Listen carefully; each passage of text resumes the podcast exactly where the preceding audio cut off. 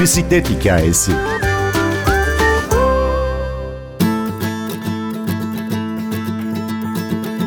Bunun aslında hamle hamle ilerleyen bir satranç oyunu olduğunu görüyorsunuz.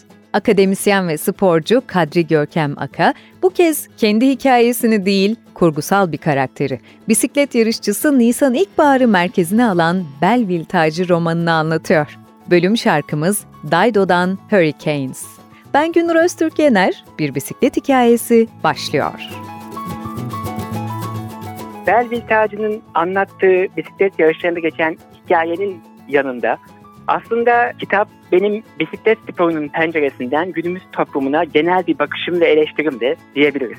Çünkü spor olsun, sanat, kültür veya herhangi bir sektör aslında içinde var olduğu toplumdan bağımsız değil, onun bir yansıması. Dolayısıyla bazen yansımalardan birine bakıp bütün hakkında konuşmak çok mümkün olabiliyor. Benim de aslında insanlığın günümüzdeki hali ve yitirilmiş bazı değerler hakkındaki eleştirim ve bazı tespitlerim de Belville tacında vücut buldu diyebilirim. Şöyle ki yeterince yarıştığınız zaman görüyorsunuz ki mesele sadece yarışlardan ibaret değil. Çünkü televizyonda büyük bisiklet yarışlarını görüyoruz ve burada hep her şey rengarenk, dop dolu, heyecanlı, insan vücudunun sınırlarını zorlayan inanılmaz adamlar, kadınlar çok etkileyici. Ama işin arka planına, sahnenin diğer tarafına, sahne arkasına geçtiğinizde bu insanların hayallerinin bu noktaya getirdiği bu insanların hepsinin aslında hayalleri kadar büyük korkuları, endişeleri, zaman zaman eksiklikleri olan gerçek insanlar olduğunu görüyorsunuz. Ve pek çok alana genellenebilecek bir şey bu ama bisiklet sporunda da aslında mesele yarışma eyleminin kendisi kadar o eylemi gerçekleştiren dışarıdan olağanüstü gözüken ama bir yandan hayatlarıyla cebelleşmekte olan insanların hikayeleri. Aslında Belleville terzinin biraz esprisi de bu. Çünkü bir yandan yarışları bir yandan da içindeki insanların onları o yarışlarda o şekilde davranmaya bazen daha çekimser bazen daha agresif olmaya iten hayatlarını ve duygu dünyalarını görüyoruz.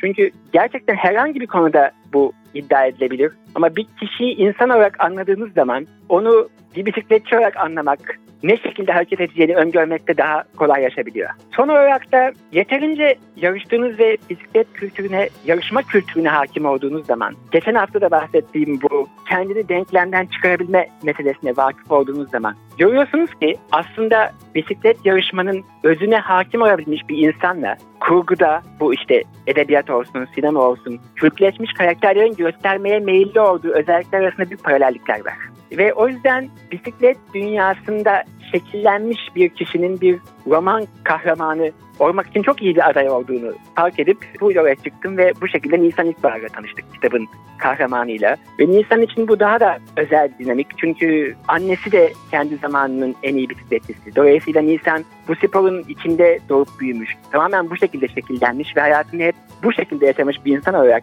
aslında normal hayatta yetişmiş insanlardan daha meyilli bazı kahramanca icraatlar yapmaya diyelim. Bu uzun vadede de sanırım bu şekilde gelişebilir.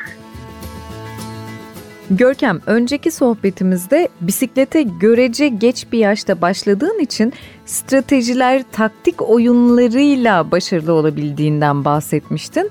Romanda da Nisan İlkbahar'ın bol bol strateji uyguladığını, kendisinden fiziksel olarak güçlü olan rakiplerine karşı bu şekilde üstünlük sağladığını görüyoruz. O yüzden bunu sormadan edemeyeceğim.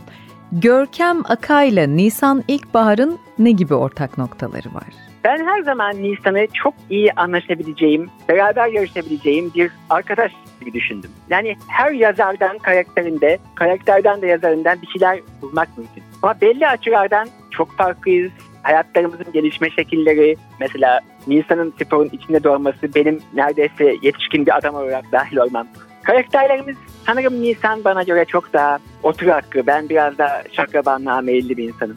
Ama işin içine girdiğinizde görüyorsunuz insanlar dışarıdan bisiklet yarışlarını seyrederken sahiden çok fit bir grup insanın çok iyi yarıştığını ve hani ben de antrenmanı yapsam ay ve çok başarılı olurum. Bu kadar basit diye düşünüyorlar. Ama sahnenin diğer tarafına geçtiğinizde o büyük bir hızla şuursuzca gidiyormuş gibi gözüken bisikletçi grubunun içinde aslında bazen aylar öncesinden planlanmış çok büyük hamlelerin sırayla yapılmakta olduğunu ve bunun aslında hamle hamle ilerleyen bir satranç oyunu olduğunu görüyorsunuz. Mesele saatte 50 km hızla giderken kimin planını bütün değişkenlere uyarlayarak en güzel şekilde uygulayabileceği. Nisan'da sanırım sporun içinde çok uzun süre var olmuş bir insan olarak bunun farkında ve dolayısıyla bazı şeyleri elde etmek için sadece gücünün yetmeyeceğinin ve bu oyunu doğru oynamasının gerektiğinin farkında. Ama öteki yandan Nisan pek azımızın olabileceği kadar da güçlü. Yani o, o büyük ihtimalle biraz daha az zorlanıyordur. İşin tamamen saf güce kaldığı.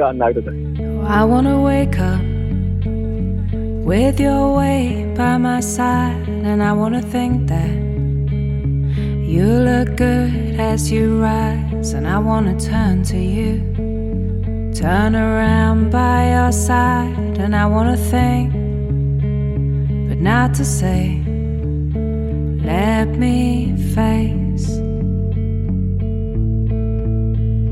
sound and fury. Let me face hurricanes, and I want to see you as you walk through the door, and time will make us. Some ways less and some ways more. And I wanna talk of nothing as the world passes by. And I wanna think, but not to say, let me face the sound and fury. Let me face.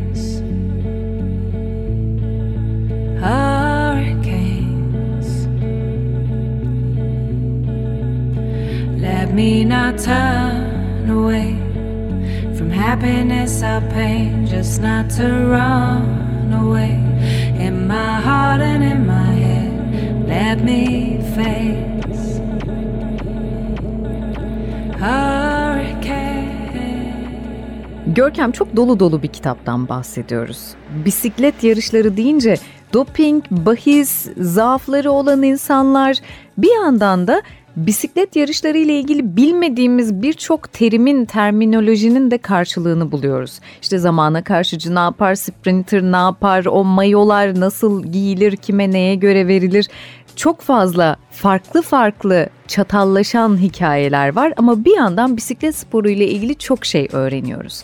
Belleville tacı ne anlatıyor diye sana sorsam. Tabii ki bisiklet yarışlarının özellikle içine girdiğimiz için, sahnenin arkasını gördüğümüz için insanları Belleville tacı alışkın olmadıkları bir dünyaya davet ediyor. Kitapta kitabımızın kahramanı genç bisikletçi Nisan İlkbahar'ın zamanının en büyük bisikletçisi olan annesinin hep kazanmak isteyip bir sebepten dolayı annesine haksızlık yapılarak kazanmasına mani olunduğuna inandığı bir yarışı kazanmaya çalışmasının hikayesi ve bu sırada Nisan'a bir sezon boyunca eşlik ediyoruz ve bu tabii bize eşsiz bir perspektif sunuyor. Çünkü Nisan'ın gözünden sporun iç yüzünü, bazen insanların güzel şeyleri kirletmeye meyilli oluşunun bisiklet sporunu da nasıl etkilediğini görüyoruz ve aslında tam olarak dediğim gibi bir yandan insan ilişkilerini, bir yandan sporun dinamiklerini, bir yandan da insanların hayatlarında oldukları noktanın, duygu dünyalarının onları icra etmekte oldukları bu sanatta nasıl hareket etmeye gittiğini görüyoruz. Ve belki de hepsinin ötesinde Nisan bir bisikletçi ama Belleville tarzındaki düşünceler siz hayatınızda ne meslek, nasıl bir uğraş yapıyor olursanız olun uygulanabilir. Çünkü Belleville tacı bir noktada bazı değerlerin gitmekte ve çok da iyimser bir istikamete doğru ilerlememekte olan günümüz toplumunda bir insanın irade gücü ve iyi niyetle ne kadar fazla şeyi tek başına değiştirebilmeye gücünün yetebileceğiyle ilgili. Görkem ilk konuşmamızda Nisan neden bu kadar iyi bir karakter diye sormuştum sana. Sen de bana ikinci kitap gelecek biraz daha karanlık demiştin. Şimdi birkaç ipucu rica edebilir miyim? Nisan'ın iyi bir karakter olmasının dışında bence aslında iyi ve kötü arasında veya onurlu davranmakla pek de onurlu davranmamak arasında ayrımı hiçbirimiz göremiyor değiliz. Hepimiz hayatta aslında karşılaştığımız bütün seçimlerde o çizginin nerede olduğunu gayet görüyoruz. Ama bazen doğru seçimleri yapmak yanında getirdiği bedeller, gerektirdiği fedakarlıklar veya bize sebep olacağı sıkıntılar açısından öyle evet hayır demek kadar kolay olmuyor. Sanırım Nisan'da belki de bir bisikletçi olarak yetişmesinden, sorun çözmeye meyilli olmasından ve o sporun getirdiği irade gücünden dolayı bizden biraz daha kesin ve tereddütsüz olarak doğru seçim yapmaya daha meyilli diyebilirim. İkinci kitap içinse çok yakın bir zamanda inşallah Belville Tacı'nın devamıyla karşınızda olacağız.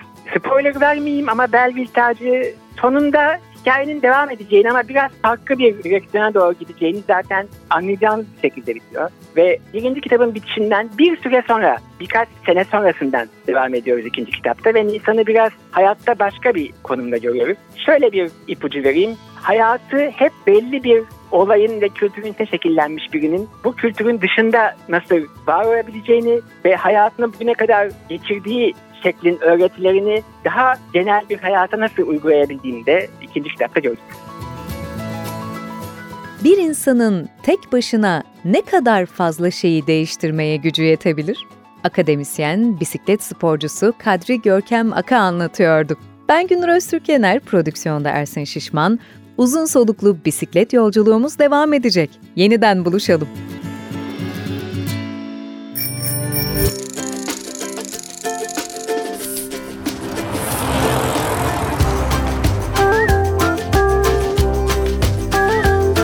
Bir bisiklet hikayesi.